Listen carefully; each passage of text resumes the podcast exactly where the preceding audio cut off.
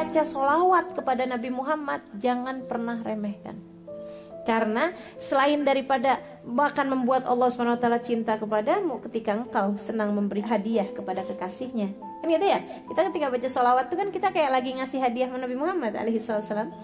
Gitu kan? Nah Allah akan cinta kepada seseorang yang senang memberi hadiah kepada kekasihnya. Bukan hanya itu aja, akan tetapi akan membuat Nabi Muhammad menghadapkan dirinya kepadamu.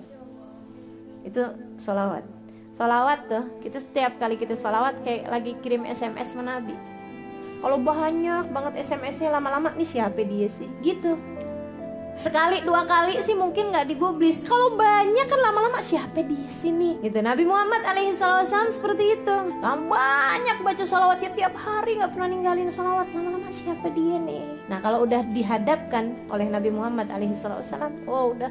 Apalagi sih kalau ada seseorang dicintai sama Nabi Muhammad wasallam apalagi sih